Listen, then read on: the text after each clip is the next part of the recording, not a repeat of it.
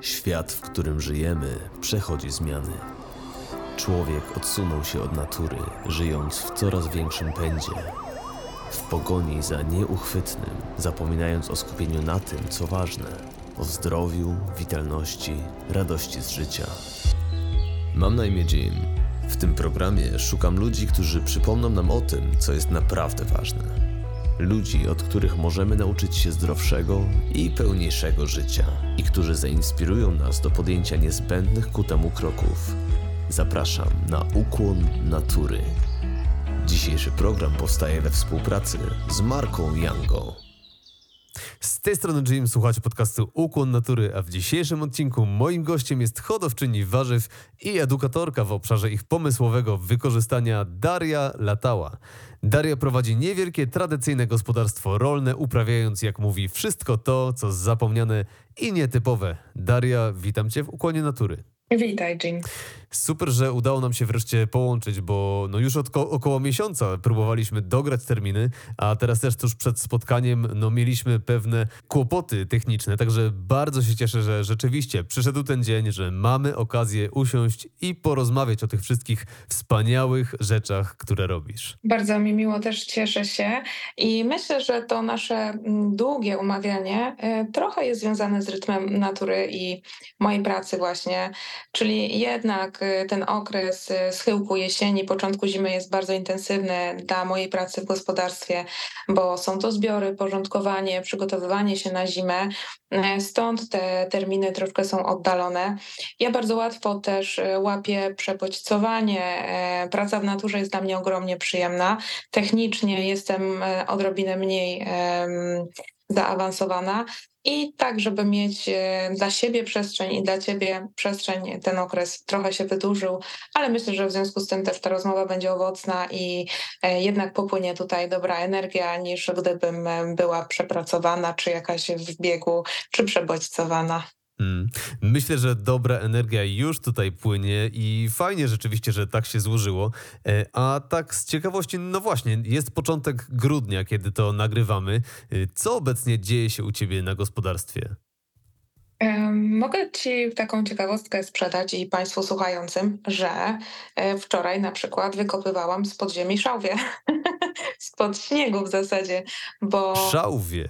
Tak, szałwia, e, rozmaryny, mnóstwo ziół. E, mamy takie tarasy ziołowe w gospodarstwie, które zostały przykryte śniegiem. E, bardzo dużo napadało w ostatnim czasie w naszym rejonie. Gospodarstwo jest pod Krakowem.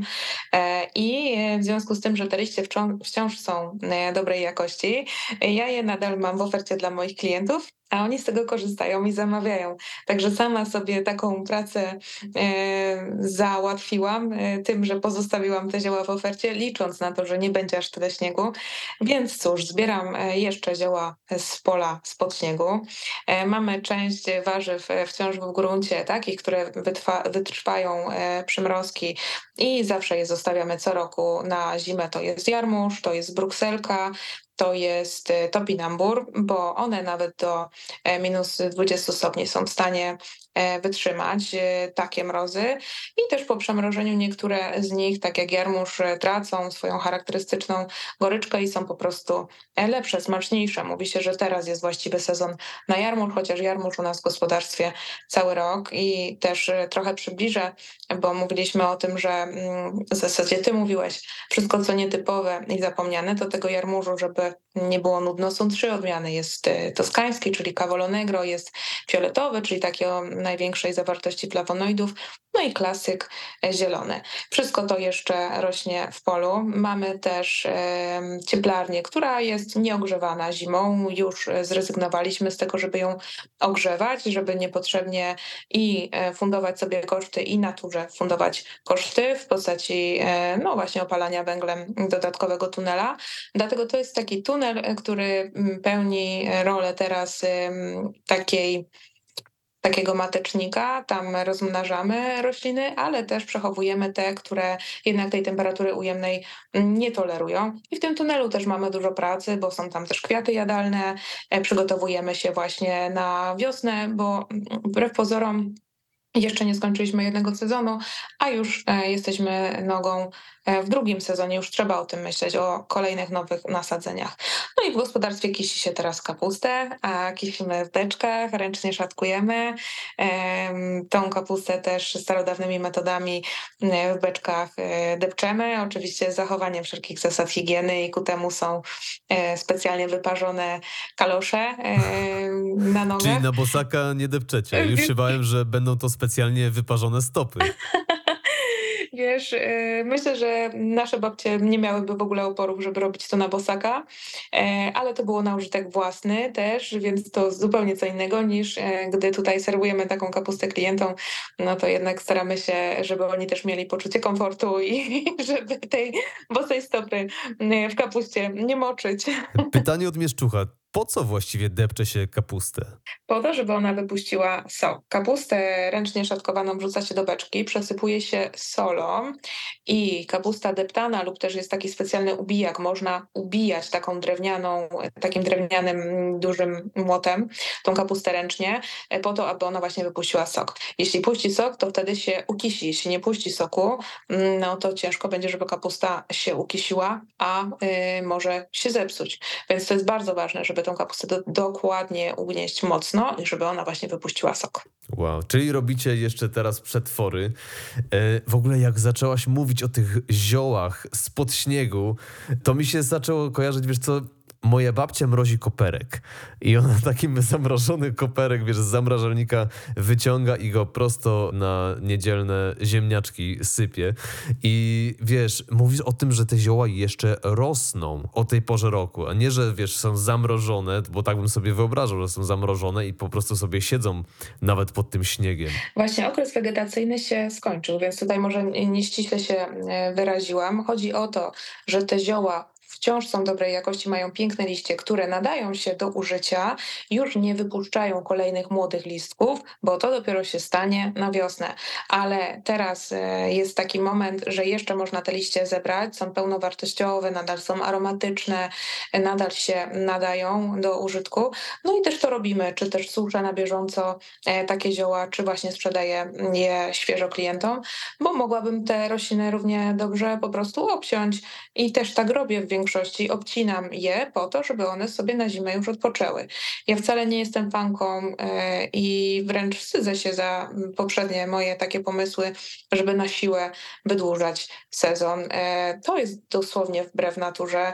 E, ja wiele rzeczy musiałam przejść, żeby zrozumieć pewne mechanizmy, mimo tego, że to są oczywiste mechanizmy działania przyrody, że przychodzi zima, czyli okres, kiedy rośliny powinny się regenerować, mm, to ja jednak miałam taki pomysł, że a spróbuję troszkę tutaj, nie wiem, e, coś przechowam, coś ocieplę, e, coś przeniosę do cieplarni. I wiesz, tak na siłę jakby dużo mnie to kosztowało, żeby ten okres wegetacyjny wydłużać. I zadałam sobie pytanie, po co ja to robię w ogóle, co ja komu chcę udowodnić. Nie dość, że dokładam sobie pracy i jest to praca taka nietypowa na ten okres. Mm, nie jest ta roślina pełnowartościową rośliną taką jak w sezonie po co to robić? To jest działanie wbrew e, przyrodzie i za ten okres się wstydzę, wynoszę z niego sporą lekcję, e, świadomą obserwację i bardziej doceniam e, przez to wiosnę z jej uderzeniem bujności, zieloności, soczystości i świeżości i skupiać się chcę właśnie na dobrym przygotowaniu do wiosny, żeby sobie ją zacząć. Po pierwsze wypoczęta ja, a po drugie wypoczęte rośliny, ziemia, bo to tylko synergicznie zadziała, inaczej nie ma szans i ku temu się teraz bardziej skłaniam. Zarówno z tego wszystkiego, co teraz od ciebie słyszę na samym początku tej rozmowy, jak i z tego, co mogłem zauważyć w twoich mediach społecznościowych, e, to jesteś osobą, która posiada bardzo dużą wiedzę i świadomość tego, jak działa natura, jak działa gospodarstwo. Powiedz mi, czy pochodzisz z rodziny rolniczej, czy gdzieś to po prostu się tego nauczyłaś po drodze? Rodzina rolnicza z dziada, pradziada, czyli chłopi, czyli osoby, które z ziemią e, miały dużo wspólnego od pokoleń i od wczesnych e, dzieci, dzie, dziecięcych lat. Mm, e, ja pamiętam, w zasadzie moje dzieciństwo to było dzieciństwo w polu. I to było trudne dzieciństwo, mm, nie będę udawać. W związku z tym ja też miałam bardzo dużą chęć odejścia od ziemi, rzucenia tego, udowodnienia rodzinie, że to nie jest słuszne, że to nie jest dobre. E, bo gospodarstwo w takim wymiarze, jak wtedy funkcjonowało, czyli na zasadzie monokulturowym, właśnie nie było dobre i chciałam zrobić zupełnie coś innego, e, więc podjęłam e, diametralnie inną ścieżkę kariery zawodowej. I w pewnym momencie szło mi świetnie, nie ukrywam, naprawdę, ale poczułam się tym zmęczona, e, nie cieszyło mnie to. I chciałam wrócić do uprawy ziemi, ale na własnych warunkach. Ale też podczas studiów to nie było tak, że ja rozstałam się z polem i rzuciłam to wszystko i wyjechałam e, do wielkiego miasta, tylko oczywiście cały czas też pracowałam na swoje utrzymanie e, w polu, pomagałam rodzicom, czułam, że to jest mój obowiązek, a poza tym też byłam tak do tego przyzwyczajona, że przebodźcowanie miastem na studiach e, uzupełniałam sobie takim balansem, pracą fizyczną w polu. I my korzenie nomen omen, e, rolnicze, mamy mm, właśnie wielopokoleniowe i myślę, że gdzieś we krwi to rolnictwo płynie i taka tęsknota mm, już w dorosłym życiu powrotu do uprawy tej ziemi po prostu była czymś naturalnym e, dla mnie w moim przypadku. I ten powrót wyszedł mi e, na bardzo, bardzo dobrze. I myślę, że nie tylko mi, ale właśnie przede wszystkim mm, klientom, osobom, z którymi współpracuję, bo doceniają tą wartość i to też e, się napędza wspólnie. Myślę, że to też jest ważne, żeby taka misja działania była w tym, co robimy. Natomiast z lat dziecięcych ja pamiętam ciągle frustrację, złość, niepewność, niewypłacalność jakichś tam spółek, e, martwienie się o to, co z towarem zrobić, więc to było dla mnie e, trudne. No i też tak brak takiego, mm, takiej higieny e, pracy i odpoczynku, bo cały czas się było w pracy, jak pamiętam jako dziecko. Mój brat też, oboje się uczyliśmy, wiesz, chodziliśmy do szkoły, wstawaliśmy rano i często często przed szkołą też y, pomagaliśmy w polu. Mm, dodatkowo cały czas taka właśnie napięta sytuacja w związku z tym, e, z tą niepewnością, e, też z chęcią rodziców związania końca z końcem, e, żebyśmy z bratem mieli zapewniony dobry byt. Ale to wszystko kręciło się wokół pracy, wokół monokultury. Mm, I to wcale nie napawało mnie radością. To nie była dobra praca, to była praca w ogóle w, w złym złej energii. To wszystko było e, takim zapracowywaniem się, zatracaniem, okupione brakiem czasu dla rodziny. I ja wracając, e, też miałam duże epizody pracoholizmu, byłam z tego dumna, jak ja to dużo nie pracuję i co to ja nie jestem w stanie sama zrobić bo tak, takie miałam wzorce, ale postawiłam na to, żeby być szczęśliwa w związku z tym, co robię, bo tylko wtedy mogę dać e, dobrą wartość innym. I ja, jak sobie to wszystko przewartościowałam, diametralnie zauważyłam różnicę w moim samopoczuciu i w podejściu klientów do mnie, do mojego produktu, w takiej wdzięczności, że ten produkt powstaje, że oni mogą go e, nabyć i ja wtedy dostając od klienta pytanie, czy mm, pytanie o zamówienie, czy o produkt, to aż byłam cała chętna e, odpowiadać na to pytanie. Nie byłam tym e, w żaden sposób sfrustrowana, tak jak to wcześniej miało miejsce, że a, znowu ktoś coś chce. A teraz jak dostaję pytanie, to mówię: Wow, dziękuję, że pytasz. I jakby oczywiście jestem w stanie przygotować Twoje zamówienie, bywają e, takie zamówienia, że jestem w stanie je obsłużyć e, nawet w tym samym dniu, ale bywa też tak, że muszę uszanować siebie, swoje zasoby i swoje możliwości i powiedzieć, że to zamówienie na przykład e, będzie zrealizowane za dwa dni. I jakie było w ogóle moje zdziwienie było, że klienci e, bardzo e, na to ze mną e, jakby rezonowali, mówili wow, podziwiam, że masz takie granice, szanuję je, okej, okay, dwa dni to dwa dni, nie ma problemu, czekam na ciebie. Super. A kiedy mówisz, że sobie przewartościowałaś to, to powiedz mi, to było przewartościowanie wyłącznie wewnętrzne, czy szły też za tym jakieś, nie wiem, inne zewnętrzne działania, jeśli chodzi o funkcjonowanie gospodarstwa? E, równolegle to się toczyło, bo i moje przemyślenia, i moje potrzeby musiały zostać uzewnętrznione, żeby były wdrożone, a żeby je wdrażać, e, doszło do pewnych strukturalnych zmian w gospodarstwie, do na przykład zmiany ilości nasadzeń, e, zmiany mm, sposobu uprawy, do mm, też wprowadzenia do oferty dziko rosnących roślin, bo kocham zbierać dziko rosnące zioła, chwasty, kwiaty, grzyby. To jest największa przyjemność mojej pracy, bo to jest taki element zaskoczenia, nigdy nie wiesz, co zbierzesz, e, uszanowania przyrody, że korzystasz z tego, co ci daje, a nie gniją te mirabelki pod dziką mirabelką, tylko ja zrobię z nich coś wspaniałego, na przykład konfiturę i zamknę to w słoikach, a część zjedzą e, ptaki, a część zjedzą dziki i wszyscy z tego skorzystamy.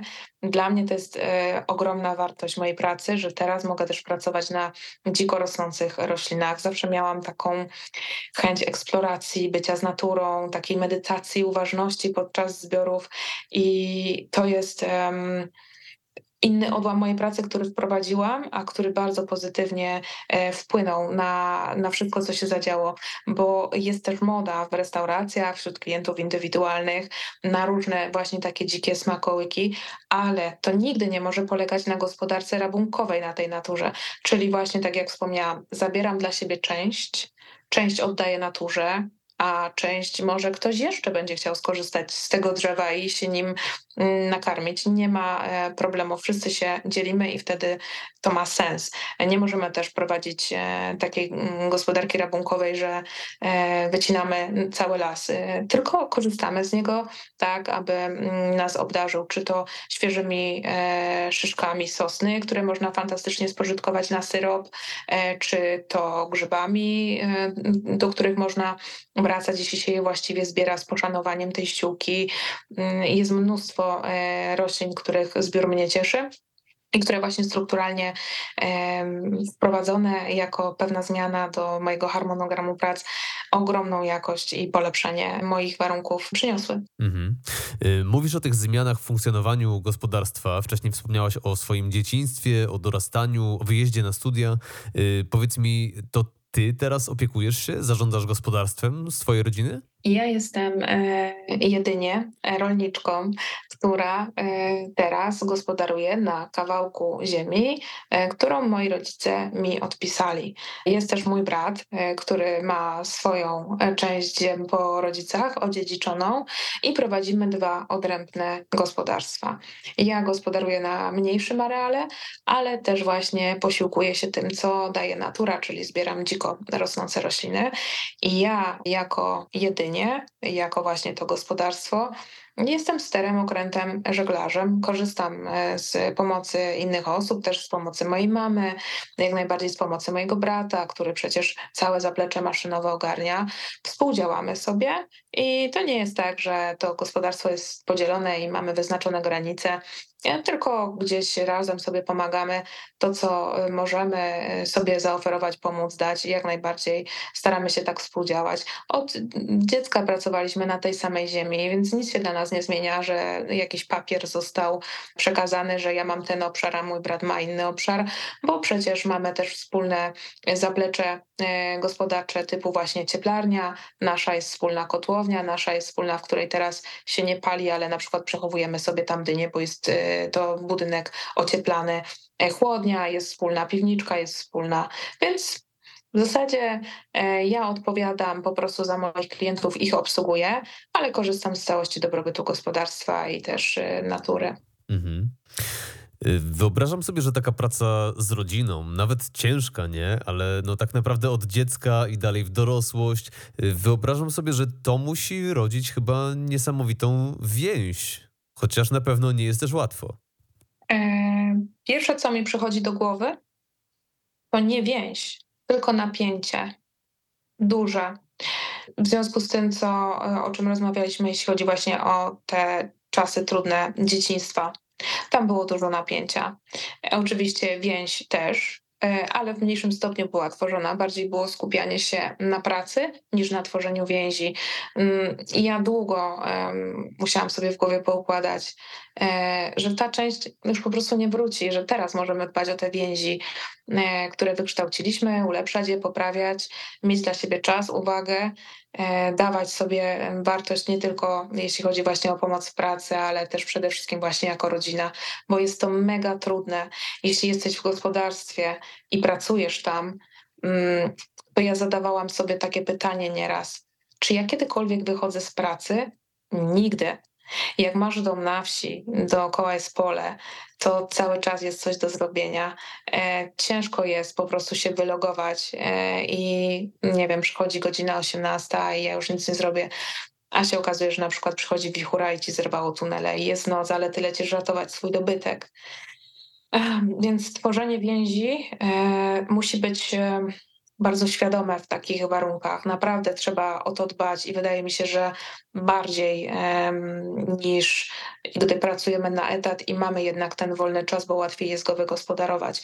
To tutaj było bardzo trudno i mm, w związku z tym też chyba moja niechęć była do rolnictwa.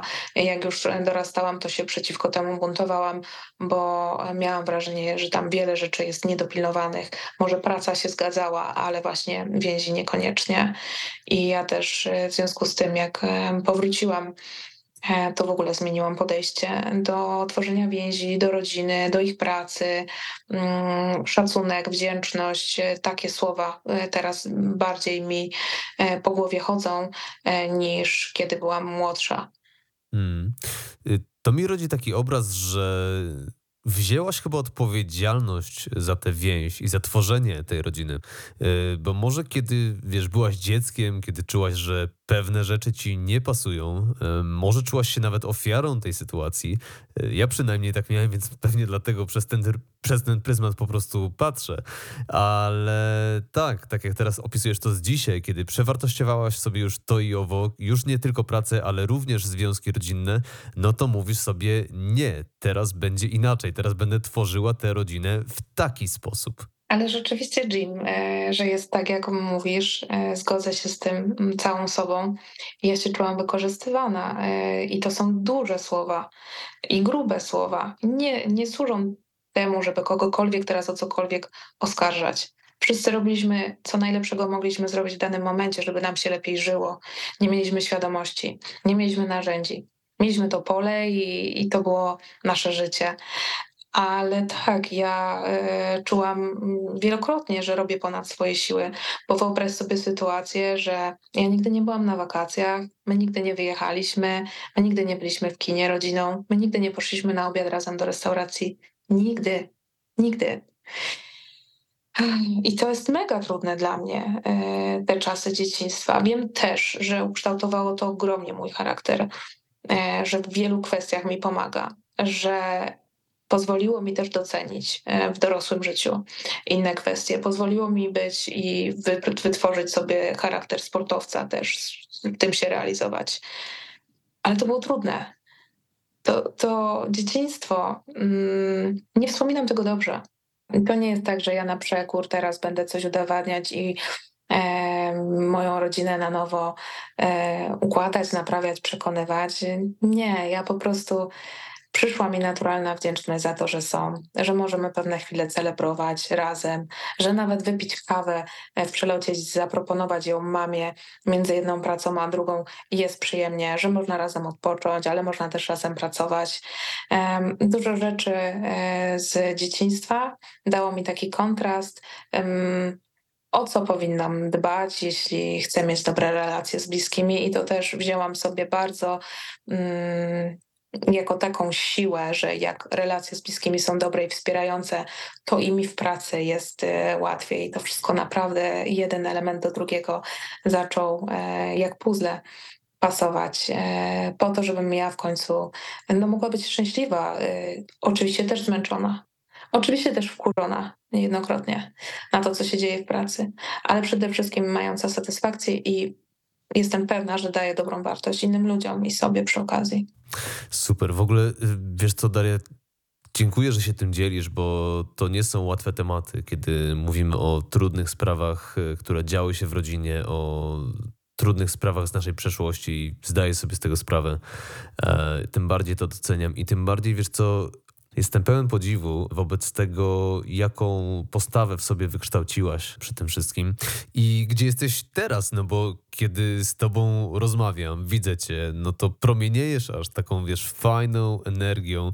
I kiedy mówisz o tych trudnych rzeczach, o tych trudnych sprawach, kiedy mówisz o tej przeszłości, to wydaje się jakby to było, wiesz, z innego życia, jakby to była inna osoba.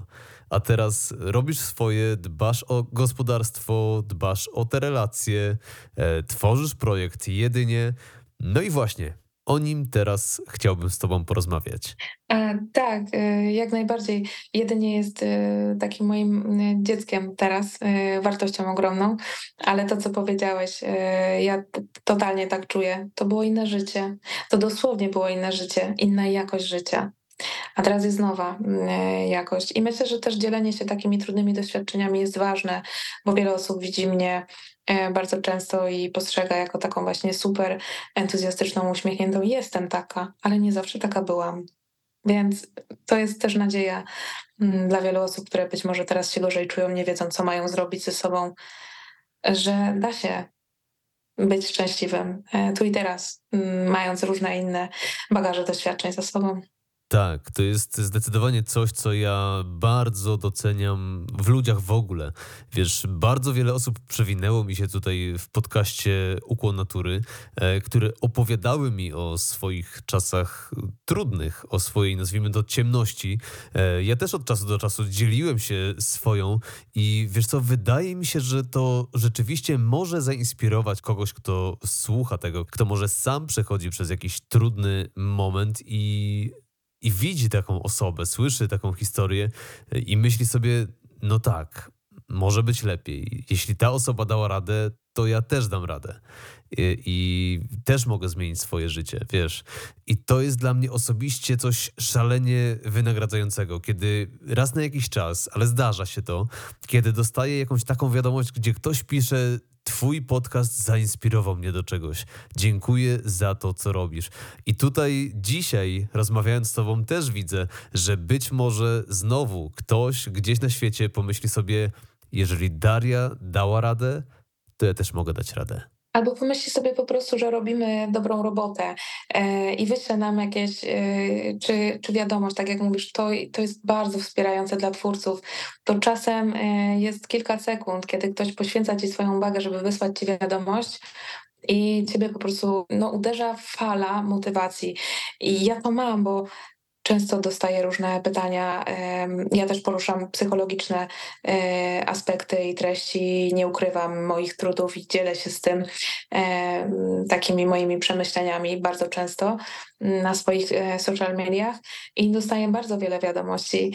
Ludzie pytają mnie, skąd ja mam e, energię, i ja ją mam poprzez to, że ładuję sobie baterię w naturze, że prowadzę higieniczny tryb życia, ale te wszystkie wiadomości, nie, nie, same pochwały, ale właśnie to, że kogoś zainspirowałam do czegoś, do zmian, że ktoś się poczuł lepiej, że ktoś się uśmiechnął dzięki mnie, że ktoś podziękował mi za to, co robię, to jest niesamowite. To prawda. Jedynie Nazwa, która kojarzy mi się jednoznacznie z dyniami, ale nie tylko dyniami się na gospodarstwie zajmujesz, więc powiedz mi proszę, skąd taka nazwa? Bo kocham grę słów. Bardzo lubię e, zabawy językowe, szarady, łamigłówki i e, ciekawostki takie językowe. I chciałam w jakiś sposób zawrzeć e, to, czym głównie się zajmujemy, czyli właśnie uprawą e, dyń je dynię od jedzenia dyń, po prostu. E, I e, od tego się wszystko zaczęło, od tego zaczęło się e, gospodarstwo. W logo gospodarstwa jest dynia, jesteśmy znani z tego, że i mówię jesteśmy, bo to wciąż działamy sobie razem. Ja, mój brat, moja mama, pracujemy przy tych dyniach. Każdy ma trochę inny zakres obowiązków, ale sukcesywnie zwiększamy uprawę, powiększamy swoje doświadczenie i tymi dyniami karmimy. Tych dyń mamy, zawsze staramy się mieć e, około 100, 120 odmian. E, mówię staramy się, bo nie zawsze to wszystko urośnie w polskich warunkach. Mm, wiele odmian jest e, eksperymentalnych, mm, które mm, albo nie urosną w ogóle, albo zawiążą dosłownie kilka owoców, więc są unikatami. A że o każdej też staramy się umieć coś powiedzieć, e, to stało się to naszym flagowym, e, rozpoznawalnym produktem. Wydaje mi się, że mam bardzo dużą wiedzę o dyniach, którą zgłębiam od ponad 10 lat. Mm, mm, uczę się z takich rynków, które dyniami stoją, jak Stany Zjednoczone, jak Zachód Europy, Francja, Belgia, Niemcy, e, ale też z różnych ciekawostek, czy podróżniczych po Azji, gdzie też dynia jest popularna, czy po Afryce, gdzie są też inne gatunki, e, których w Polsce niestety nie wyhodujemy ze względu na zbyt długi okres wegetacyjny takich gatunków, ale mogę je pokosztować, mogę się czegoś dowiedzieć nowego, więc staram się te dynie mm, upowszechniać, edukować o nich, i e, dać klientom możliwość nabycia właśnie takich różnych gatunków i to zawiera się w nazwie jedynie. W ogóle zanim nie odwiedziłem Twojego profilu na Instagramie, to nie miałem pojęcia, że na świecie, a już tym bardziej w Polsce, jest tyle odmian dyni. Teraz mówisz o, o setce. Wiesz, ja kojarzyłem dynię z, z tym takim symbolem Halloween, które było ponad miesiąc temu. Wiesz, wydrążona dynia, e, z grubsza okrągły kształt. Nawet nie wiem, jak się ta odmiana nazywa, szczerze mówiąc. Nie znam się na tym, ale fascynuje mnie, kiedy, e, kiedy ktoś się czymś fascynuje i dlatego tutaj dzisiaj jesteśmy. Opowiedz mi proszę, co takiego zobaczyłaś w dyniach? Dlaczego właśnie dynie? Przede wszystkim właśnie tą różnorodność, której ja szukam, której ja potrzebuję, która mi sprawia przyjemność przy pracy. Praca w monokulturze zabija kreatywność, e, nie pobudza do wymyślania e, czegoś nowego, do szukania nowych rozwiązań, jest schematyczna. Praca e, z takim żywym organizmem, jak różnorodne odmiany dyń, no to jest coś pięknego. Co roku, tak jak mówię, szukamy czegoś nowego, żeby zaskakiwać przede wszystkim siebie, a przy okazji klientów, ale właśnie mm, różnorodność różnorodność odmian ich struktur miąższu e, wpływa na to, że w zasadzie dynia to w moim przekonaniu najbardziej uniwersalne warzywo na świecie, ale właśnie w różnych e, wariantach, w różnych odmianach.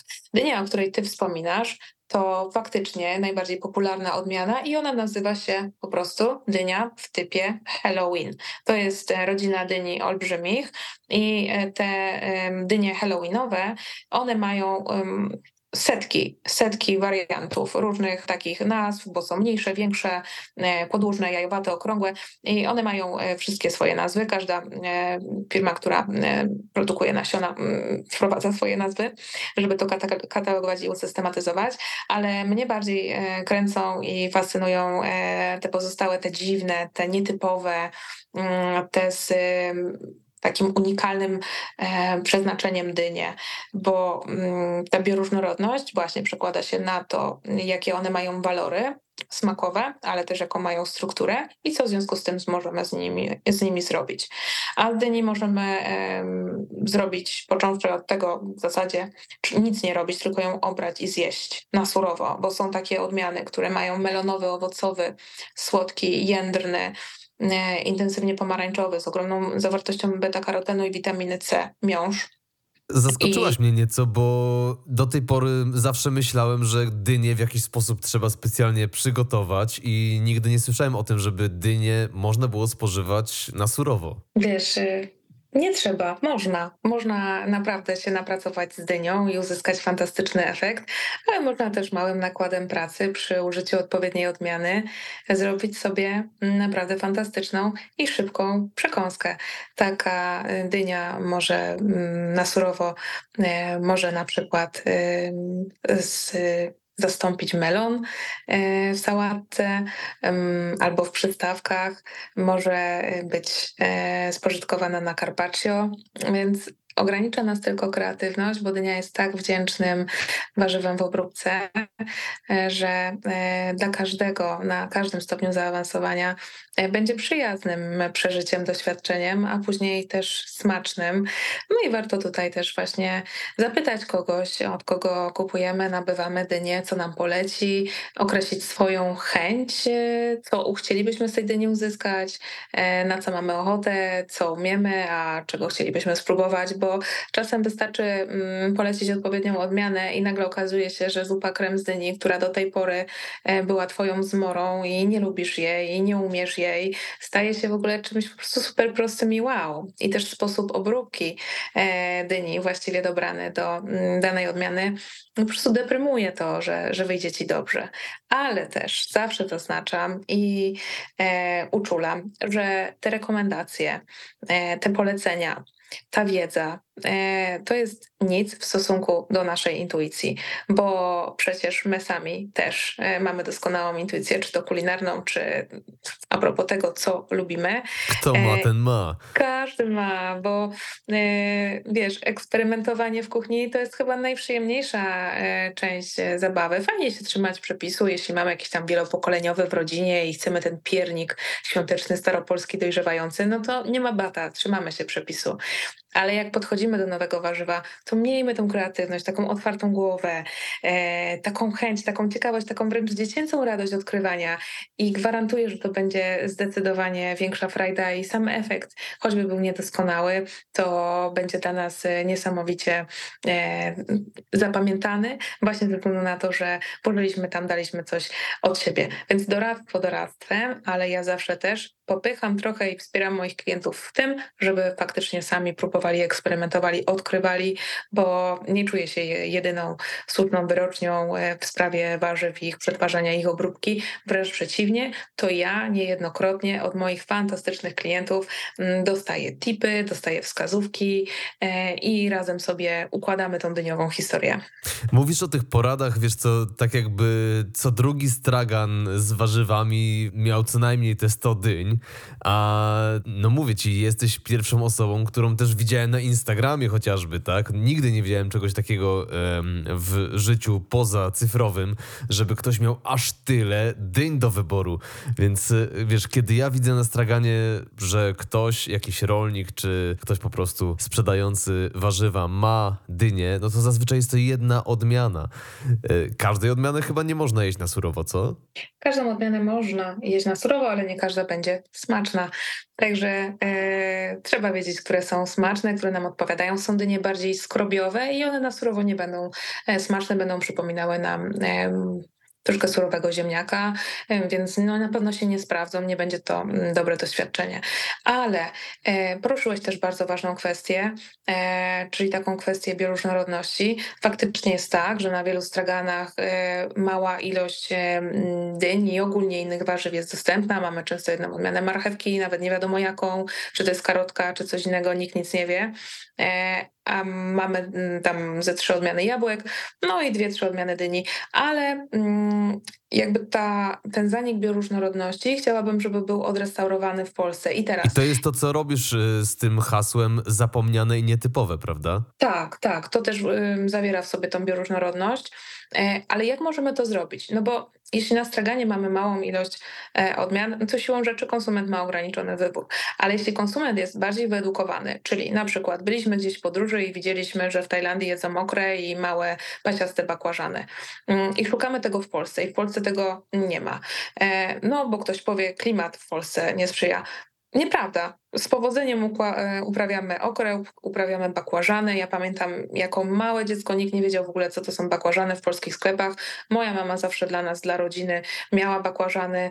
e, Jedliśmy, to był nasz przysmak, więc one w polskim klimacie rosną, dają radę. Teraz już widzimy je, są coraz bardziej powszechne. Tak samo papryki, papryki ostre, które kiedyś e, utożsamiane były z jakimiś odległymi, egzotycznymi afrykańskimi krajami, jak na przykład habanero, red scorpion czy Carolina reaper, bo są bardzo ostre papryki. E, I klienci w Polsce też poszukują takich e, odmian. I teraz, jeśli my wyedukujemy tego klienta, pokażemy mu, że możliwe są takie uprawy w Polsce, e, mało tego, że wyedukujemy klienta, to jeszcze innych rolników, bo obserwuje mnie bardzo duże e, grono rolników, którzy też piszą do mnie, e, radzą się w wielu kwestiach, oczywiście w tych, których mogę pomóc, zawsze bardzo chętnie pomagam, bo wiem, że to działa z korzyścią dla nas wszystkich, dla całego społeczeństwa. Dla mnie też działa to e, korzystnie, że rolnik w województwie obok, sąsiadującym, czy w ogóle gdzieś z drugiego końca Polski wprowadzi większą gamę produktów, bo ludzie migrują. Nigdy wcześniej nie było takiej migracji jak teraz. To cały czas wszystko są nasi klienci, wspólni klienci. Nie postrzegam e, takich gospodarstw jako konkurencję, wręcz przeciwnie, postrzegam ich jako moich e, kompanów w tym, żebyśmy klientów edukowali i sami siebie też edukowali i wspierali w tym, żeby tą bioróżno- bioróżnorodność wprowadzać. Dlatego jaram się dyniami, bo to jest bardzo mm, łatwy i wdzięczny produkt w pokazaniu klientom, co można zrobić, jak dużą e, ma paletę wykorzystania taka e, dynia. I to też na klientów bardzo Mm, dobrze działa i wpływa, bo nawet pobudzę ich do tego, że ja to nie lubię dyni, ale e, tak widzę, pani ma takie ciekawe, no to ja spróbuję. I ja mówię, ale proszę koniecznie do mnie wrócić, bo to też nie chodzi o to, żeby przekraczać siebie i kurczę, jak nie lubię dyni, no to teraz e, jedzenie dyni jest modne, będę jeść dynię, chociaż mi to nie smakuje, tylko znaleźć sobie taką odmianę, e, która faktycznie da mi to, czego ja w jedzeniu szukam. Czyli lubię bardziej skrobiowe, intensywne, zwarte, zawisiste, e, takie karmiące, mm, pełne cukru e, dynie, to taką odmianę też zaproponuję. A ja może coś wolę lżejszego, e, coś bardziej orzeźwiającego, coś bardziej w typie owocowym niż ziemniaczanym. No to dla ciebie będzie taka. I szukać, sprawdzać, bo mm, fajnie jest jeść dynię ze względów zdrowotnych, ale też fajnie jest mieć przyjemność z jedzenia. Nie e, iść za modą, że mm, dynia jest e, fancy, dynia jest wyszukana, dynia e, mm, da mi wiele, ale jej nie lubię i, i się zmuszam do jedzenia. To w ogóle nie o to chodzi. Mam mieć z tego przyjemność. I ja też się cieszę, kiedy moje polecenia sprawdzają się e, klientom i myślę, że każdy sprzedawca, właśnie nawet na takim straganie, mm, który ma niezbyt dużą ilość, e, jeśli chodzi o bioróżnorodność, to mm, gdyby był wyedukowany i taki chętny przekazywać tą wiedzę e, klientowi, dowiadywał się o odmianach, jakie są i temu klientowi również to przekazywał, miałby szansę na pewno na zwiększenie swojej sprzedaży, bycia skuteczniejszym sprzedawcą, ale też upowszechniania naszych polskich rodzimych odmian i wprowadzania takich mm, ciekawostek, właśnie tych nietypowych, czy powrotu do korzeni, bo coraz więcej osób też e, tego szuka. E, szuka e, warzyw zapomnianych, które z lat były na naszej ziemi uprawiane, jak brukiew, jak pasternak. To się staje egzotyczne. To w ogóle budzi podziw. Co to jest za warzywo? A przecież to jest warzywo, które towarzyszyło nam setki lat wstecz. Zanim przejdziemy do tych warzyw zapomnianych czy nietypowych, y, to mam taki komentarz, wiesz co, bardzo fajnie mówisz o tej relacji twojej z klientami, czy nawet o twojej relacji z innymi rolnikami. E, wiesz, kiedy mówisz o nich jako o kompanach, y, to tworzy mi w głowie taki obraz prawdziwych i autentycznych y, relacji po prostu międzyludzkich. E, no bo teraz, kiedy wiesz, ja kupuję warzywa, nawet i na straganach, no to mam takie wrażenie, że wszędzie spotykam się z takim podejściem, żeby klienta jak najszybciej obsłużyć i już przejść do następnego, no bo ludzie czekają, bo nikt nie ma czasu. E, no ja czuję się czasami jakbym sam był, wiesz, takim produktem na taśmie, który przesuwa się, jest skasowany e, i dalej, dalej, dalej, szybko następny. A pamiętam, że jako dziecko, kiedy chodziłem z babcią czy z mamą na ryneczek, no to więcej się jakby rozmawiało ze sprzedawcami, chadzało się do tych samych, no bo już mieliśmy z nimi zbudowaną relację i no kiedy słucham, jak ty opisujesz swoją pracę, to mam takie wrażenie, jakbym się przeniósł w czasie. U ciebie jest rozmowa, zachęcasz do próbowania nowych rzeczy, jesteś ciekawa, czy komuś smakowało to, co poleciłaś, zachęcasz innych rolników do tego, żeby eksperymentowali z nowymi odmianami, zachęcasz do edukowania się. No dla mnie to jest naprawdę super i to jest godne podziwu. I dziękuję, że to zauważasz, bo to jest bardzo duża część mojej pracy i to jest też zmiana, e, którą ja wprowadziłam świadomie e, w takim sposobie funkcjonowania gospodarstwa. Ja chcę, żeby klient był zaopiekowany i usatysfakcjonowany. I jestem dla klienta to nie, to nie może być na zasadzie taśmowej obsługi. Każdy jest traktowany przeze mnie indywidualnie. Ja pamiętam, który klient co lubi, który klient co tydzień temu u mnie kupował i faktycznie czekam, aż klient wróci z odpowiedzią na pytania, a klienci są bardzo chętni się dzielić. I przecież to nie jest pytanie rzucone w próżnię, proszę powiedzieć, czy pani smakowało, bo mi zależy, bo jeśli nie smakowało, to ja teraz pamiętam, że w tą stronę nie idziemy i co innego mogę zaproponować, jeśli klient po pierwsze dalej chce, bo może powiedzieć, to nie moja bajka, już tutaj nie, nie eksperymentujemy, ale też co innym klientom, którzy mają podobne upodobania, mogę zaproponować. Ale też, co jest pierwsze i najważniejsze, to klienci, którzy chcą wiedzieć, którzy chcą rozmawiać, którzy mają na to czas. Ja sprawiam i chciałabym, żeby e, klienci czuli się u mnie na stoisku, że mają czas. Często słyszę, jak ktoś mówi: Dobrze, ale to e, ja już nie będę pani zabierać czasu, bo widzę, że ludzie czekają w kolejce.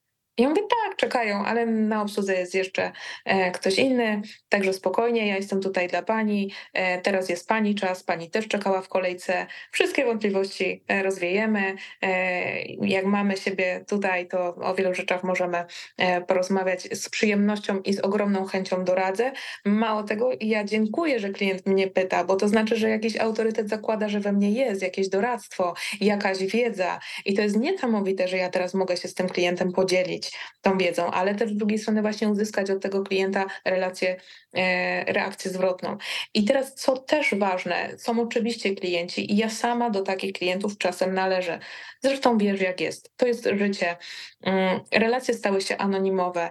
My wchodzimy, dzień dobry, dziękuję, do widzenia, bo się spieszę. Też jestem tego typu klientem i też nie rozwlekam obsługi. Staram się to zrobić maksymalnie sprawnie, ale maksymalnie użytecznie z korzyścią dla obu stron. Jak widzę, że ktoś się spieszy, to oczywiście, że też nie zagaduję go, e, nie przeciągam tej obsługi, nie proponuję mu 10 odmian, tylko na przykład dwie. Wiem, że akcja jest e, szybka, krótka i ta osoba też to doceni i też będzie usatysfakcjonowana z tych zakupów. Więc też musisz być jako sprzedawca, musisz.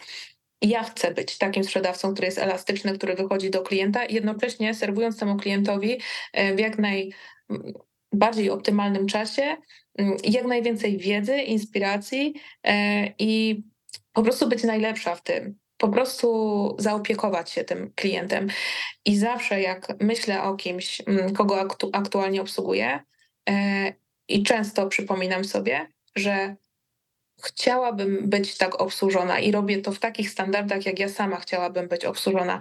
I ja później też idę gdzieś e, i czegoś potrzebuję się doradzić, i nagle okazuje się, że w sklepie, nie wiem, z torebkami, e, torbę podróżną ostatnio chciałam kupić w takim rzemieślniczym zakładzie, i ja trafiłam na osobę, która po prostu mi jak najlepiej doradzała ze wszystkimi e, aspektami, elementami, tak mnie przeprowadziła jak za rączkę, na rzeczy, które ja bym nie zwróciła uwagi i sobie pomyślałam, wow. I ja już wiem, co klienci czują u mnie.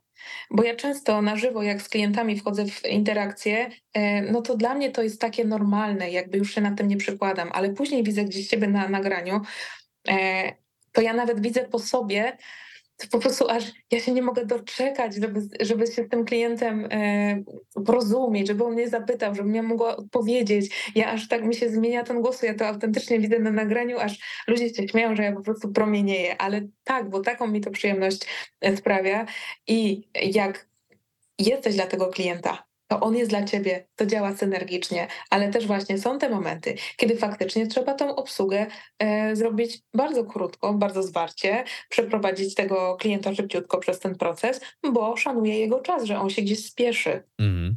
Miewasz takich klientów, których pytasz, czy podać panu, pani to, co zawsze? Są tacy klienci, tak, że na przykład wiem, że e, to dzisiaj jarzynka do obiadu, tak poproszę, e, albo biała kiszona, tak, e, i wiem, tak, tak, są tacy klienci, mam klientów od lat. E, niesamowici są to klienci. E, są klienci, którzy przychodzą na przykład od kilku lat po pęczek pietruszki i to jest dla mnie taki zaszczyt, że ten klient przychodzi tyle samo, tyle lat po, ten pęczek, po to, żeby ta nasza relacja trwała. I to jest bardzo miłe dzień dobry, bardzo miłe do widzenia.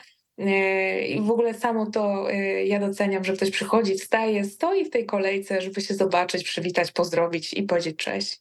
Niesamowite. Mm. Musisz mieć naprawdę dobrą pietruszkę.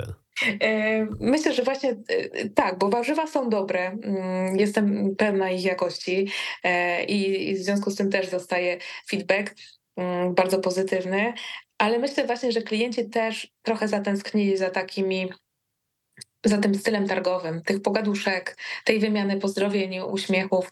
Ja widzę, jak e, klienci, jak zmienia się ich życie, e, jak powiększają się rodziny, jak dzieci rosną, jak te dzieci, które kiedyś e, w wózku mama brała dynię dla rozszerzenia diety, tak one w tym roku wybierają same dla siebie dynie, które lubią. To jest niesamowite. I wydaje mi się, że właśnie targ jest takim miejscem spotkania bezpośrednim klientów i sprzedających i to już trochę zaczęło nam odchodzić gdzieś w niepamięć, bo zaczęliśmy mm, bardzo być anonimowi dla siebie, a wraca właśnie taka chęć tej interakcji. Więc to już nie tylko o te warzywa chodzi ich smak, ale właśnie o tą potrzebę interakcji z drugim człowiekiem, e, o takie połączenie przy wspólnym temacie. E, myślę, ja mam wielu przyjaciół też, którzy są moimi klientami, ale mam też klientów, których bardzo lubię i one, oni nadal pozostają w tej grupie właśnie e, klientów, czyli nie wchodzimy w swoje życie prywatne, nie znamy się tak na dobrą sprawę, znamy się tylko z targu i to jest niesamowite, bo ja mam wrażenie, że te relacje po prostu, one się nie urywają, one trwają. E, jest, e, pracujemy sobie, z dzień targowy i nie ma tak, że ja się wylogowuję e, z tego świata i od, w przyszłym tygodniu na nowo się poznajemy, tylko jakby, a to kontynuujemy tą relację. To jest niesamowite. Piękne. To jest duża wartość dodana. E, naprawdę jest piękne to, co robisz, właśnie wnosząc z powrotem tę wartość do życia ludzi, bo tak jak zwróciłaś na to uwagę, no kiedyś to było, nie? Dzisiaj naprawdę jest to rzadkość. E, ja też cenię takie relacje. E, mam w pobliżu na osiedlu taką kwiaciarkę, do której lubię chodzić i zawsze u niej kupuję kwiaty. Ona też mówi, że jestem jej ulubionym klientem, bo zawsze, wiesz, po prostu lubimy pogadać. Ona lubi filmy, ja lubię filmy i wiesz, zawsze tutaj się wymienimy jakimś tytułem i to jest takie prawdziwe, to jest takie ludzkie i to jest takie, wiesz, czego mi naprawdę w tym coraz bardziej sterylnym świecie po prostu brakuje. A wracając do tematu y, warzyw zapomnianych i nietypowych, co jeszcze takiego możemy znaleźć? Bo wspomniałaś o topinamburze, o pasternaku. Co tam jeszcze masz? Brukiew jest takim warzywem też zapomnianym. Brukiew e, w ogóle kojarzy nam się, została wyparta, mam wrażenie, to jest taka moja e, myśl, nie wiem na ile ona jest trafna, ale że została wyparta po prostu ze świadomości zbiorowej, bo to było takie bieda warzywo w czasach wojny, tak? Ono się źle kojarzyło z Tak, ja też o tym słyszałem. I ja mam wrażenie, mhm. że my nie chcieliśmy tej brukwi, bo zachłysnęliśmy się zachodem, różnymi innymi dobrami i słusznie, bo dlaczego nie? Korzystajmy też z tych nowości, które przychodzą. Mieliśmy dostęp do innego jedzenia, niekoniecznie lepszego, bo wiemy jak było z różnymi dodatkami, polepszaczami itp., ale była taka era sosów fix i jakichś różnych rzeczy i brukiew w ogóle przestała mieć znaczenie, tak? I mm, ja y, uwielbiam takie smaczki odkopywać y, z przeszłości i ktoś zawsze na Instagramie jest taka y, dezorientacja, bo ktoś pyta, e, co to jest? Brukiew. I każdy słyszał gdzieś nazwę brukiew i nikt nie wie, jak wygląda i się okazuje, że wow, to to jest brukiew okej, okay, a jak to zjeść? No i wtedy sobie tam rozmawiamy, co z brukwi przyrządzić można. Ale y, co do takich warzyw, jeszcze bardzo mm, ciekawym y, warzywem jest głąbik krakowski. O, o tym nie słyszałem. A to jest, to, to jest piękne warzywo. Mamy je w gospodarstwie co roku, też odrestaurowujemy tego głąbika właśnie. Mm, to jest taka sałata łodygowa, y, nazywa się też sałatą szparagową i takim docelowym surowcem to jest głąb, który przypomina szparagi, który się kisi. Można z tego zrobić zupę też, tak jak ale ogórkową, e, albo e, grillować, no różne inne rzeczy też robić, jak i liście. Można zjadać tak jak sałatę. I to było mega. To podobno mm, Małopolska w czasach galicyjskich po prostu tym głąbikiem stała.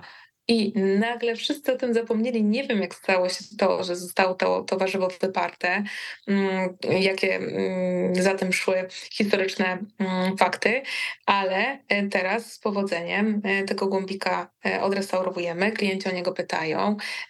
Restauracje też, czy klienci indywidualni, czy restauracyjni chętnie po niego sięgają i wpisują w kartę dań taki głąbik. I też dzięki temu E, edukują klientów dalej, pokazują im też coś, serwują im, jakby odświeżają e, tego głąbika w pamięci e, zbiorowej, co jest niesamowite, bo potem dociera gdzieś do jakichś innych odleglejszych zakątków Polski taki głąbik i takie pytania, skąd ten głąbik i gdzieś tam się dokupują do mnie na przykład i piszą, Daria, gdzie ty kupujesz nasiona, czy ja też mogę? Ja mówię, super, masz, posiej pewnie, niech wszyscy wiedzą, niech znają.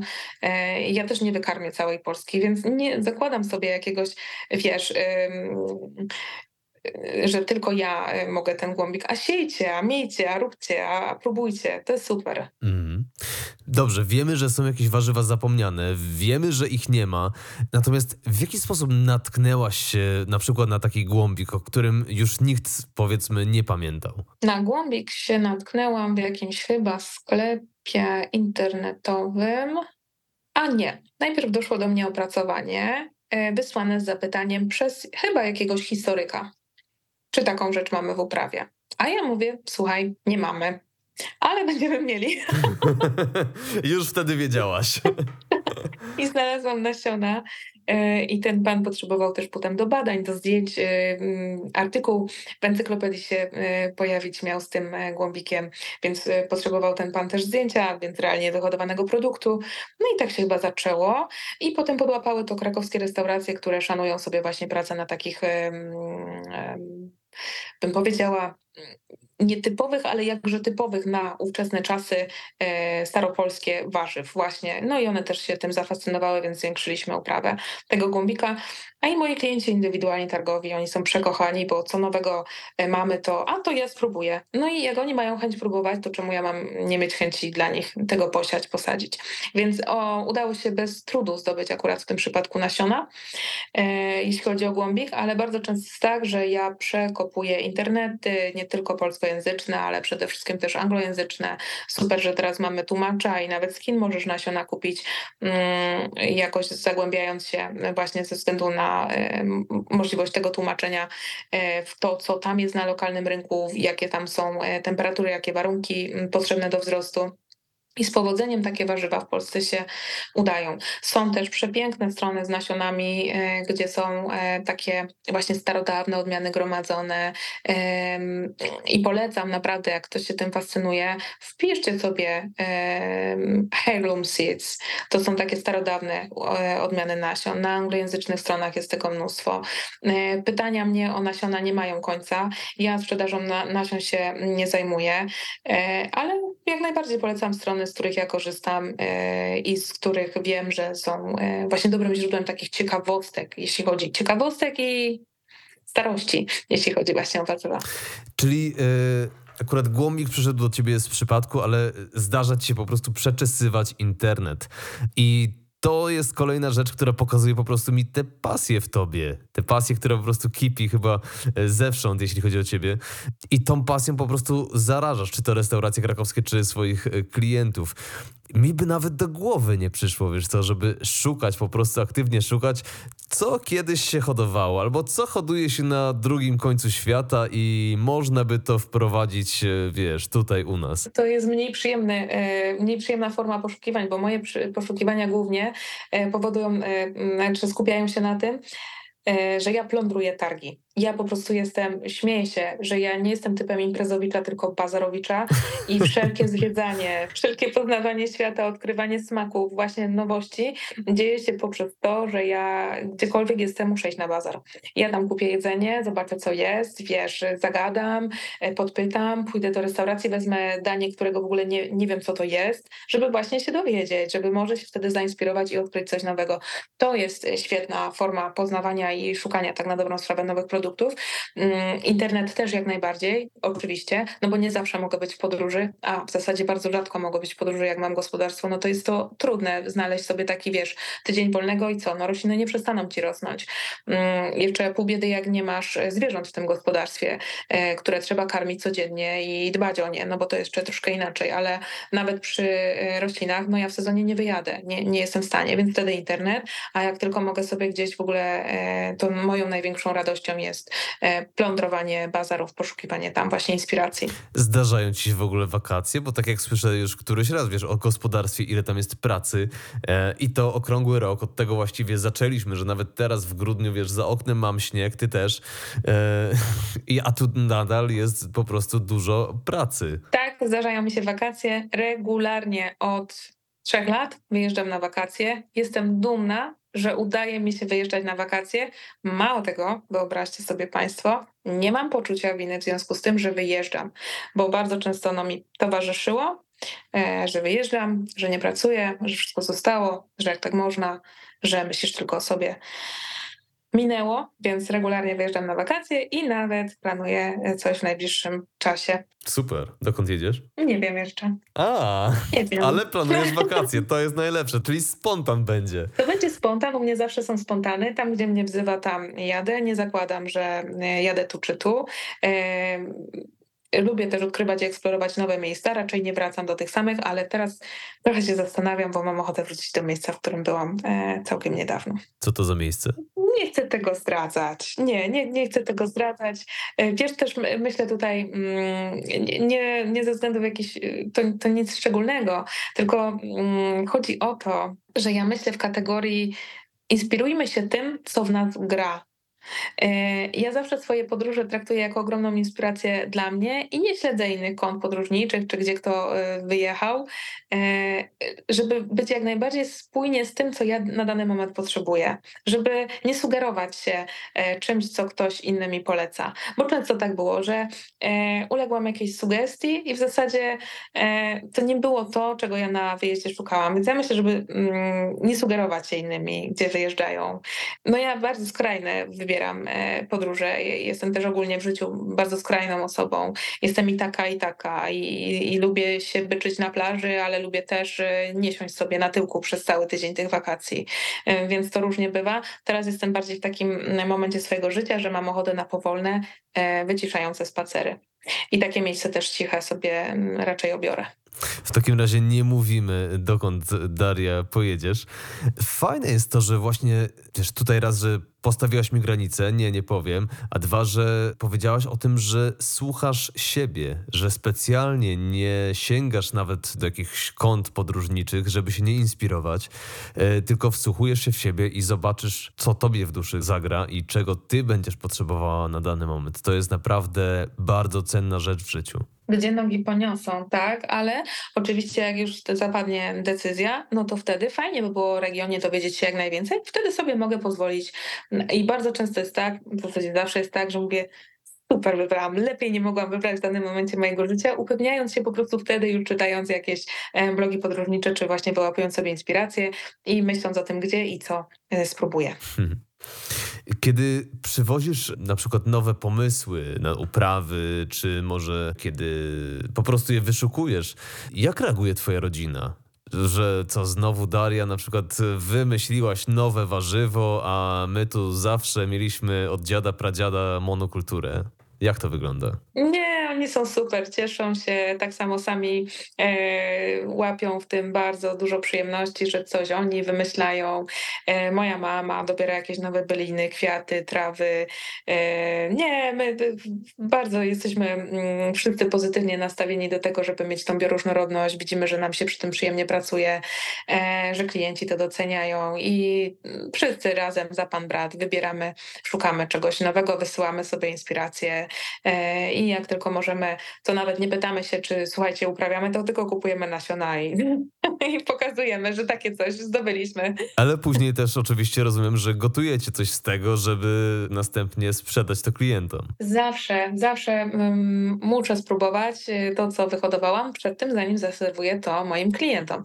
No bo mam wtedy jakąś wiedzę, po pierwsze, jak się z tym warzywem obywać, żeby wydobyć jak najlepszy smak, a po drugie, jaką ono ma strukturę, jaki ma zapach, jakie obróbki, jakie sposoby obróbki są najlepsze e, do tego warzywa. Więc tak, y, robię to i z przyjemnością, no bo dla mnie to też jest, e, wiesz, zawsze coś nowego e, w życiu, w tej pracy, taka świeżość, mm, jakieś odkrycie. E, Mi też tego brakowało w takiej monokulturze, no bo ileż możesz sobie gotować kalafior i na ile sposobów, jak masz go setki tam tysięcy e, wsadzonego w polu. Mm, I to w zasadzie masz pod ręką, więc jak się tnie kalafiory, to do domu na kalafiorową się zabiera dwa, to się zrobi zupę. No i na tym się kończy, e, wiesz, cała kreatywność. Mm, A jak masz tą różnorodność e, i te wszystkie nowości, to aż się chce po prostu zatopić w tym zęby, jak to smakuje, a czy ciekawe, czy będzie to podobne do tego, co jadłam w podróży, czy w ogóle zupełnie co innego, a to dziś upiekę, a nie ugotuję. No, budzi to kreatywność. Wydaje mi się, że to też podnosi jakość życia i jakość pracy. Mhm. Y, chcę Cię jeszcze dopytać właśnie o tę bioróżnorodność na gospodarstwie, bo z tego co wiem, to taka bioróżnorodność bardzo sprzyja zdrowiu gleby, e, zdrowiu owadów czy zwierząt, które żyją wokół gospodarstwa, wokół tych upraw. Masz na ten temat jakąś wiedzę? Oj, nie tylko e, owadów i zwierząt, ale też e, niestety szkodników i pasożytów, bo tego mamy w brud. Mamy robactwa chyba wszelkie możliwe kategorie. Już jesteśmy z tym pogodzeni, nasi klienci też, że będzie z dziurką, że będzie gdzieś tam nadgryzione. No niestety, takie rzeczy się zdarzają. Tak, bioróżnorodność bardzo pozytywnie wpływa na jakość fauny E, i flory towarzyszącej, bo nawet bioróżnorodność roślin, które my nasadzamy, wpływa na bioróżnorodność chwastów, które się wysiewają, e, które gdzieś tam nam e, towarzyszą w uprawie i właśnie tych wszystkich zwierząt, czy to ptaków, no bo jak są jakieś rodzaje różne robactwa, to są też ptaki, które się tym robactwem żywią. Więc mm, nasz ogród warzywny jest przepiękny z tego względu, że latem mamy tam pszczoły, mam wrażenie z całej po prostu Małopolski, bo jakbyś stanął, to aż brzęczy ci w uszach i to jest tak przyjemny dźwięk, że to jest aż jak medytacja e, z takim dźwiękiem om, ciągle w uszach, brzęczącym. Do tego e, motyle w ilości po prostu niemożliwej. No w tym roku to ja gapiłam się, nie mogłam pracować, bo się gapiłam, ile mamy motyli. Nie zdarza się już na wsi, żeby motyle były e, gdzieś tam w przydrożnych e, rowach, bo jakieś tam kwiatki kwitną, bo wszystko jest skoszone równo. E, pas drogowy jest zupełnie inaczej teraz mm, zadbany, jak był lata temu, jak ja byłam dzieckiem, więc dla mnie taki motyl to jest coś wow, że, że mamy go w polu, bo nie jest to wcale popularne zjawisko e, już teraz e, na wsi, coraz mniej. No i w związku z tym też składniki mineralne i odżywcze w glebie e, są bardziej zróżnicowane. No i w związku z tym, że one są bardziej zróżnicowane, to więcej roślin ma szansę urosnąć. Więc wszystko się napędza, wszystko ze sobą współdziała i to jest synergia. No i te rośliny, czy te warzywa, które już wyrosną, prawda, mają więcej tych składników odżywczych w sobie, więc są po prostu zdrowsze. Tak, bardziej zasobne właśnie składniki e, mineralne. Mhm. I to jest też coś, co bardzo mnie jakoś tak uwiera, kiedy idę do supermarketu i nie wiem, mam jakieś takie wrażenie, jakby tamtejsze warzywa mocno różniły się od tych, które mogę kupić na straganach, powiedzmy. E, może to jest tylko moje wrażenie, nie wiem, ale Patrzę na przykład, że połowa z tych warzyw pochodzi z Hiszpanii czy innych krajów o klimacie cieplejszym niż Polska. Y, one sobie dojrzewają po drodze i mam takie wrażenie, jakby ten produkt był w jakiś sposób gorszy od tego, co wiem, że zostało wyhodowane w Polsce. Masz na ten temat jakieś przemyślenia? Czy te warzywa na przykład z supermarketu różnią się od tych uprawianych w lokalnych gospodarstwach rolnych? To zależy. Nie będę tutaj kategoryczna i jednoznaczna, czy lepiej kupować e, od lokalnych, bo to zależy od momentu sezonu i to zależy od naszej intencji, e, bo nie kupisz awokado od lokalnych. Niestety, nie w Polsce. Nie jest to możliwe.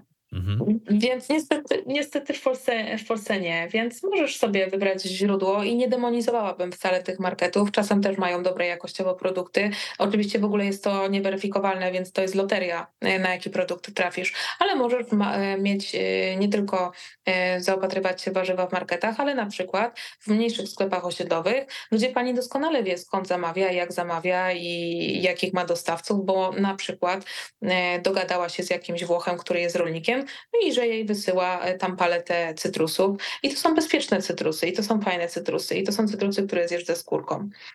E, nie lubię tego demonizowania, bo też z lokalnością jest pewien problem, czyli sezonowość. Tutaj jest bardzo duży z kolei obawa e, wiosną przed jakimiś pędzonymi nowalijkami. Słyszy się, że coś jest pędzone, no ale jak, ale jak kogoś zapytasz, ale co to znaczy, że pędzone, że jakie, że, że co on zrobił z tymi? No, że sypał nawozy. No dobrze, sypał nawozy, ale nawozy nie wpływają na to, że e, roślina urośnie. One jakieś tam mm, są w stanie, mm, nie, nie przyspieszą tego e, procesu. E, gdzieś mm, może wpływają na, na tą roślinę, pobudzając ją do wzrostu, no ale nie zrobią nagle rzodkiewki w dwa dni, a powinna rosnąć miesiąc. Ona zawsze rośnie około miesiąca. I też nawozy są bardzo drogie, więc lokalni rolnicy nie sypią tych nawozów nie wiadomo ile, bo im się koszty po prostu potem na koniec e, miesiąca czy tam roku nie spinają. To jest takie właśnie demonizowanie też lokalności i demonizowanie e, żywności w marketach. Ja myślę, że to są dwie skrajności, a bądźmy po środku i nie biczujmy się za to, że jak nam braknie w domu e, pęczka natki pietruszki, to dzisiaj kupię ją w markecie. No trudno, no będzie to może jakaś tam gorsza jakość, a czasem ta gorsza jakość to nawet nam w głowie siedzi, że jak z marketu to już jest gorsze. Oczywiście, że ja jestem całym sercem za tym, żebyśmy kupowali u lokalnych rolników. No jak żyję, to, to jest moja misja życia, że kupujmy, że wspierajmy, ale dlaczego? Moja intencja jest taka, że jak ja kupuję coś u rzemieślników i lokalnych ludzi, to po to, żeby im dać wyraz tego, że ich praca jest dla mnie dla nas jako społeczeństwa potrzebna. I oni wtedy mają motywację do tej pracy i robią to najlepiej, jak mogą, bo wiedzą, że spotykają się z wdzięcznością, że wnoszą realną wartość do życia. I być może są to tradycyjne e, gospodarstwa, e, być może nawet ci rolnicy używają jakichś środków ochrony roślin, ale na pewno zrobią to wtedy zgodnie z prawem, e, zrobią to zgodnie z jakimiś okresami, które te środki powinny przejść, żeby zanim trafią do konsumenta. Przecież w rolnictwie ekologicznym też są środki, mamy środki ochrony roślin, które są przeznaczone do rolnictwa ekologicznego. Tylko wszystko zależy od człowieka, czy to jest człowiek etyczny. Możesz mieć certyfikat ekologiczny, ale wcale nie być ekologicznym rolnikiem, uwierz mi. E, zależy od twojej etyki, od twojego podejścia. I chciałabym, żeby ci lokalni rolnicy naprawdę byli i w ogóle wytwórcy, rzemieślnicy, drobni producenci, żyło im się jak pączek w maśle, żeby im się żyło po prostu dobrze i godnie. I dlatego powinniśmy u nich kupować, ale nie powinniśmy się biczować, e, jeśli zdarzy nam się od czasu do czasu coś kupić w markecie. Powiem ci, że bardzo się cieszę z Twojej odpowiedzi, bo w trakcie, gdy Cię słuchałem, to zwróciłem uwagę, że rzeczywiście miałem jakąś tendencję do demonizowania warzyw i owoców z marketu. E, no i pojawiła mi się taka myśl, po co demonizować? Zamiast demonizować, można po prostu przecież preferować i wszyscy będą zdrowsi, prawda? I też to, co powiedziałaś, dlaczego preferować? E, dlatego, żeby wspierać Niekoniecznie dlatego, że coś jest lepsze, coś jest gorsze, tylko żeby wspierać, czyli pokazywać, wasza praca, drodzy rolnicy, jest ważna. To jest dla mnie super i dziękuję Ci za to. Mhm, tak, e, dziękuję też za docenienie, za zauważenie tego. Wróćmy jeszcze do ciebie na stragan, bo powiedziałaś wcześniej taką rzecz, że już od 10 lat zajmujesz się dyniami. E, w ukłonie natury lubię, wiesz co, przemytać takie różne informacje, ciekawostki na temat zdrowia i ciekawi mnie, czy w ciągu tych lat spędzonych e, przy dyniach wchłonęłaś może trochę takiej wiedzy, zakładam, że tak, na temat tego, czy dynia jest zdrowa, czy też jakie są po prostu korzyści zdrowotne z włączenia dni do diety.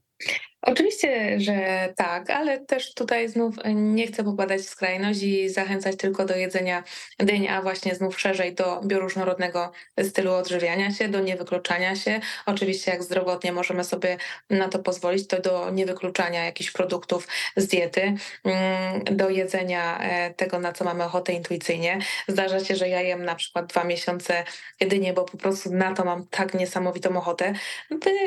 Chodzi o to, że mój organizm po prostu potrzebuje potrzebuje się wysycić w jakieś składniki, które akurat e, w dyni są, a dynia jest świetnym źródłem beta-karotenu, e, źródłem witaminy C. Ja non-stop spotykam się z pytaniami, mm, gdzie się tak opaliłam. Ja po prostu pożeram dynię mm, od miesięcy. E, więc dynia mm, ma również bardzo cenny składnik, jakim są pestki dyni, nasiona dyni. I tutaj w grę wchodzi taka odmiana dyni bezupinowej, czyli dynia, której pestki nie mają osłonki na i z niej tłoczymy olej z dyni, który przecież też słynie ze swoich właściwości zdrowotnych, oczywiście odpowiednio podany, czyli bez obróbki termicznej na zimno. Ale właśnie same peski dyni są niesamowitym źródłem cynku. Polecane są mężczyznom, e, głównie ze względu na pozytywny wpływ na potencję, ale też, uwaga, co bardzo ważne, polecane są w kuracji przeciw pasożytom. A każdy z nas e, częściej, rzadziej, ale pasożyty w ciągu swojego życia ma. Szczególnie nasze dzieci, ja akurat nie mam dzieci, ale pozwalam sobie mówić e, w imieniu też słuchaczy tutaj, żeby do nich trafić z taką wiedzą, e, w szczególności osoby, które mają dzieci e, w przedszkolu. Wiemy, jak tam łatwo zarazić się pasożytami. Dzieci niestety mają ku temu skłonność, mają też troszkę słabszą odporność. Możemy przeprowadzać bezpieczną dla nich, po uzgodnieniu oczywiście z lekarzem, kurację przeciw pasożytom za pomocą pestek dyń.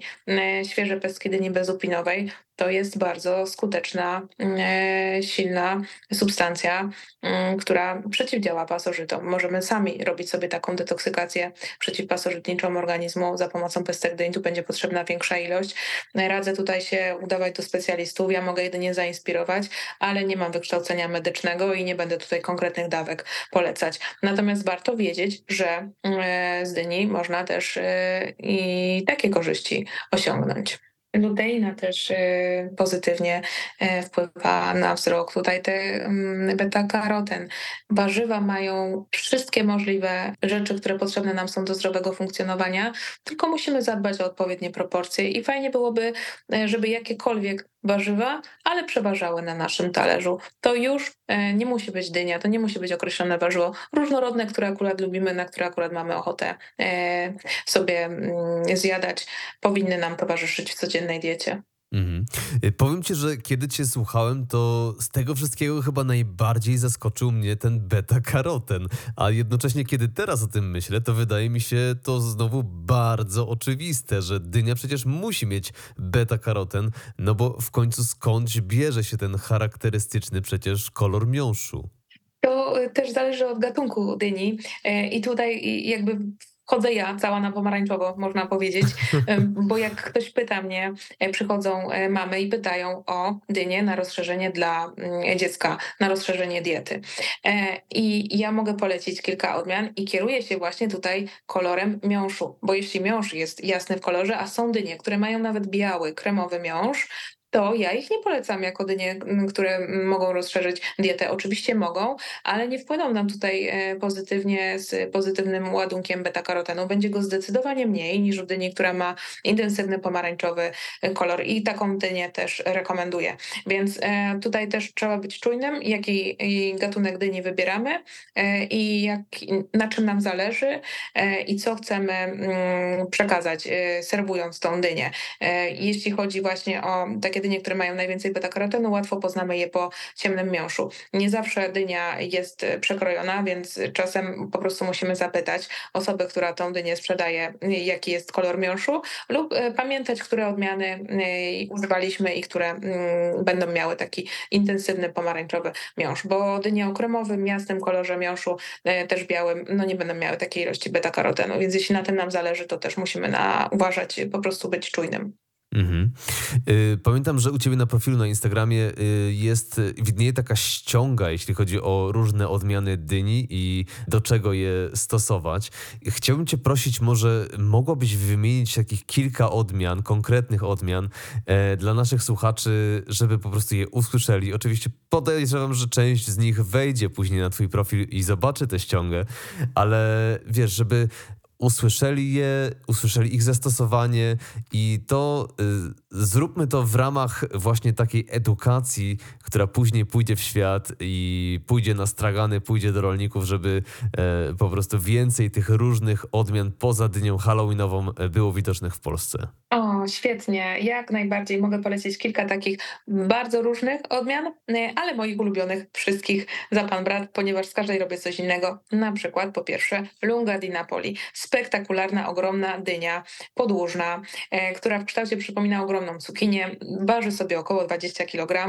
E, gniazdo nasienne zlokalizowane jest w dolnej części tej dyni, więc cała ta szyja długa wypełniona jest świetnym miąższem owocowym, który możemy zjadać na surowo. Lunga di Napoli e, wywodzi się z Włoch, ma takie włoskie korzenie i jak włoska ma też ognisty temperament, bo w środku ten miąższ jest intensywnie pomarańczowy. Tutaj akurat bogactwo beta-karotenu jest właśnie właśnie dynią soczystą, chrupką, jędrną, taką do y, spałaszowania na surowo, ale też świetnie znajduje zastosowanie w przetworach takich lżejszych, na których nie wymaga nam, żeby dynia była mm, bardzo zawiesista i taka mączna. E, czatneje, sosy, mm, przeciery, e, nutella dyniowa z właśnie z użyciem lungi, to jest coś fantastycznego. Kolejna Nutella moja dyniowa? No tak, nazywamy to, ten przepis lungatella, właśnie połączenie lungi i mm, wiadomego smarowidła do chleba, ale dużo zdrowsze.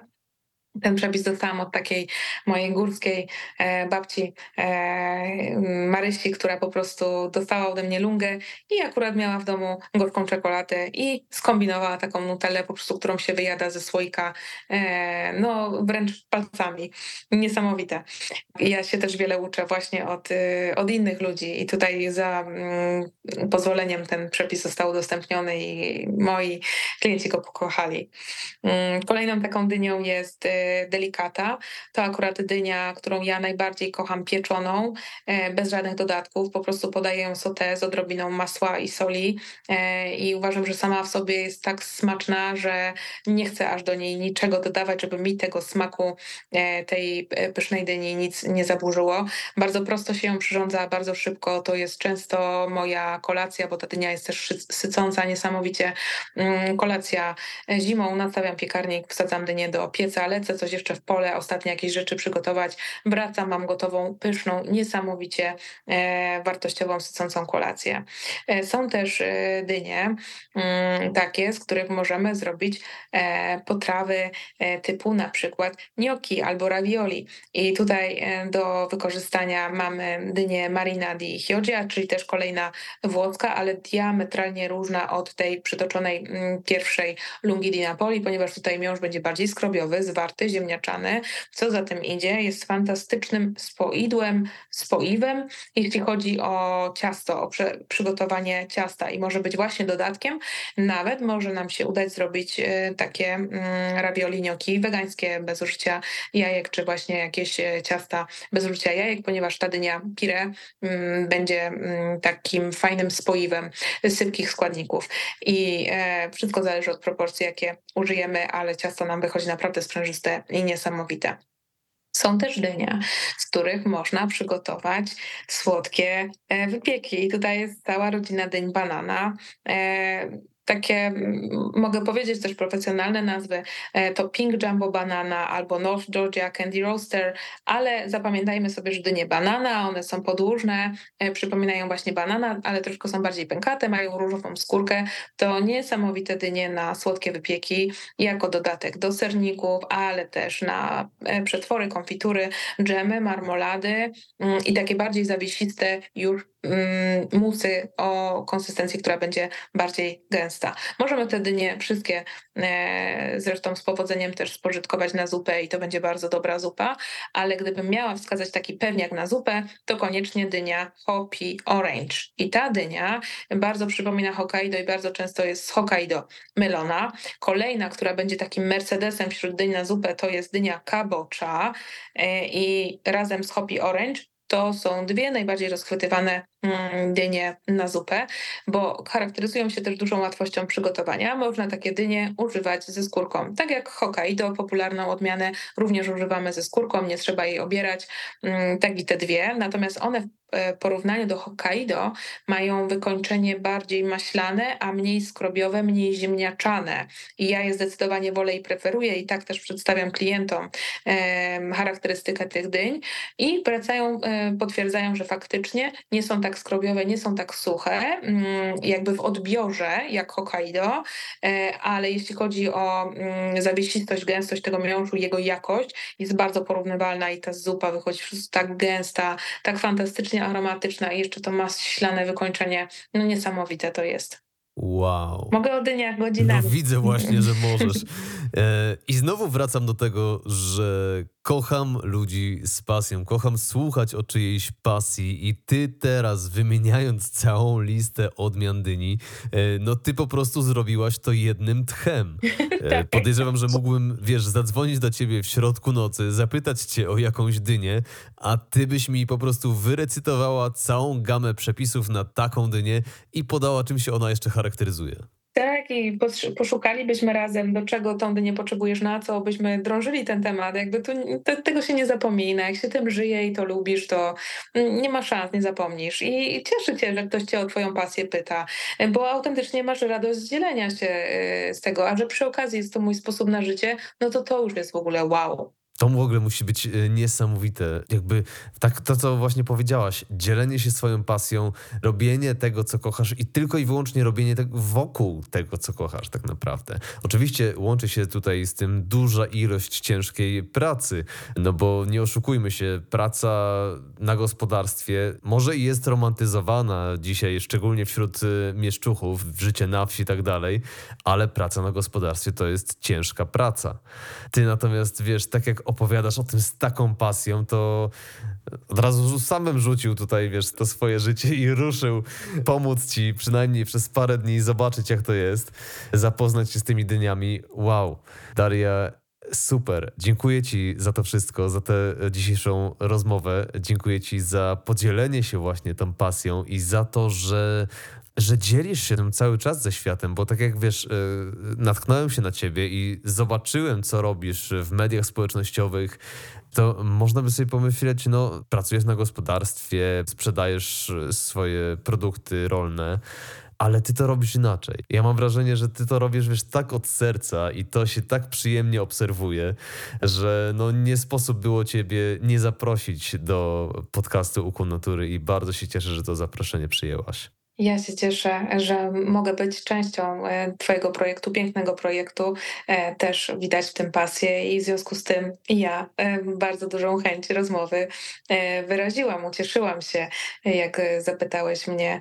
Myślę, że też sposób i prowadzenie tej rozmowy przez Ciebie był niesamowity dzisiaj. Te pytania, które też otwierały mnie i te, poruszenie też trudnych aspektów, więc cała rozmowa była dla mnie ogromną przyjemnością i też zmierzeniem się z pewnymi swoimi e, przemyśleniami i uzewnętrznieniem ich. A uzewnętrznianie no nie zawsze jest łatwe, prawda? Nawet kiedy prowadzisz swoje media społecznościowe i no, w pewien sposób cały czas jesteś na scenie. Ja myślę, że wtedy właśnie jest to e, przede wszystkim trudne, takie prowadzenie, bo mamy świadomość, że wiele osób nas e, obserwuje, inspiruje się nami i też musimy być odpowiedzialni, jeśli chodzi o treści, które tworzymy. Przynajmniej ja też prowadząc swoje social media kieruję się bardzo prostą zasadą. To jest albo daję klientom wartość, albo ich czegoś uczę, albo ich w jakiś sposób inspiruję. Nie chcę publikować śmieci, nie chcę publikować pożeraczy czasu, nie chcę publikować e, głupotek. E, oczywiście miejsce e, w sieci na kotki, pieski jest i tam są ich zwolennicy jak najbardziej. Ja temu nie umniejszam, tylko uważam, że jak w tych czasach nasz czas jest tak cenny, że jeśli już ktoś ma mi poświęcić swój czas, to niech coś z tego dla siebie weźmie. I bardzo dużo w tym roku działałam edukacyjnie, więc zostało to odebrane bardzo pozytywnie przez gro osób, za co jestem niesamowicie wdzięczna, bo też ta działalność edukacyjna niesamowitą przyjemność mi daje i jest e, takim balansem między pracą fizyczną w polu, a właśnie pracą e, taką intelektualną, której też mi od czasu do czasu brakuje. Ja uwielbiam pisać, tworzyć treści, więc e, te moje media społecznościowe też są takim miejscem, w którym mogę i ja się wyżyć, a że jest to z korzyścią dla innych, no to ogromna wdzięczność tutaj też ode mnie płynie dla wszystkich konsumentów tych treści. Super, czyli kolejna pasja tak naprawdę naprawdę. Tak, tak, też, też mnie to pasuje. Opływasz wręcz w pasję.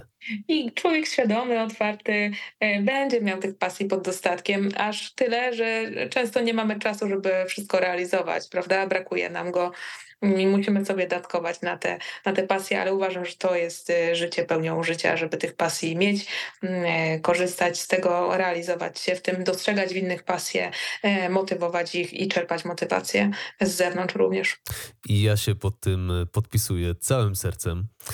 Daria, na zakończenie mam do Ciebie jeszcze jedno pytanie, które zadaję wszystkim moim gościom. Mianowicie, ukłon natury to przede wszystkim wiedza na temat zdrowszego i pełniejszego życia. Dlatego chciałbym, abyś, biorąc pod uwagę całą swoją perspektywę i doświadczenie, przekazała naszym słuchaczom trzy praktyczne wskazówki, dzięki którym Ty sama żyjesz lepiej, zdrowiej i pełniej. Wysypiaj się, Jedz czysto, uprawiaj dużo sportu. To było szybkie. To prawdopodobnie najszybsze trzy wskazówki w historii programu. To jest tak proste. Doszłam do tego po e, wielu latach e, prowadzenia gospodarki e, wyjaławiającej mój organizm pracą, e, kompulsywnym sportem, e, bardzo restrykcyjną dietą. Zupełnie inaczej się żyje, jak e, wychodzisz wyspany do pracy, jak zjesz czysto, bo twoje myśli są czyste i jak e, wydatkujesz energię na sport, bo twoje ciało e, jest wtedy sprawniejsze do wszelkich wyzwań, które spotykają cię na co dzień. Co to jest kompulsywny sport? To jest taki sport, w którym uciekasz, bo masz w sobie dużo emocji i żeby nie myśleć i zapracowywać się przetwarzaniem emocji, myśleniem o trudach i problemach, uprawiasz e, dużo sportu. Ja miałam epizody, e, że pracowałam po 16-18 godzin i jeszcze sobie dowalałam treningami, na przykład po dwie godziny trening bokserski, 9 jednostek treningowych w tygodniu, czyli wypada ci na przykład niektóre dni dwie jednostki treningowe i to było dla mnie wow, ale ty jesteś babka twarda. Teraz jest mi za to wstyd, Wiele osób pytało mnie, co robisz, żeby mieć taką figurę i ja wtedy, no jak to, dietka sztywniutko i dziewięć jednostek treningowych tygodniowo, a ty? Nie? Ojej, to kiepsko.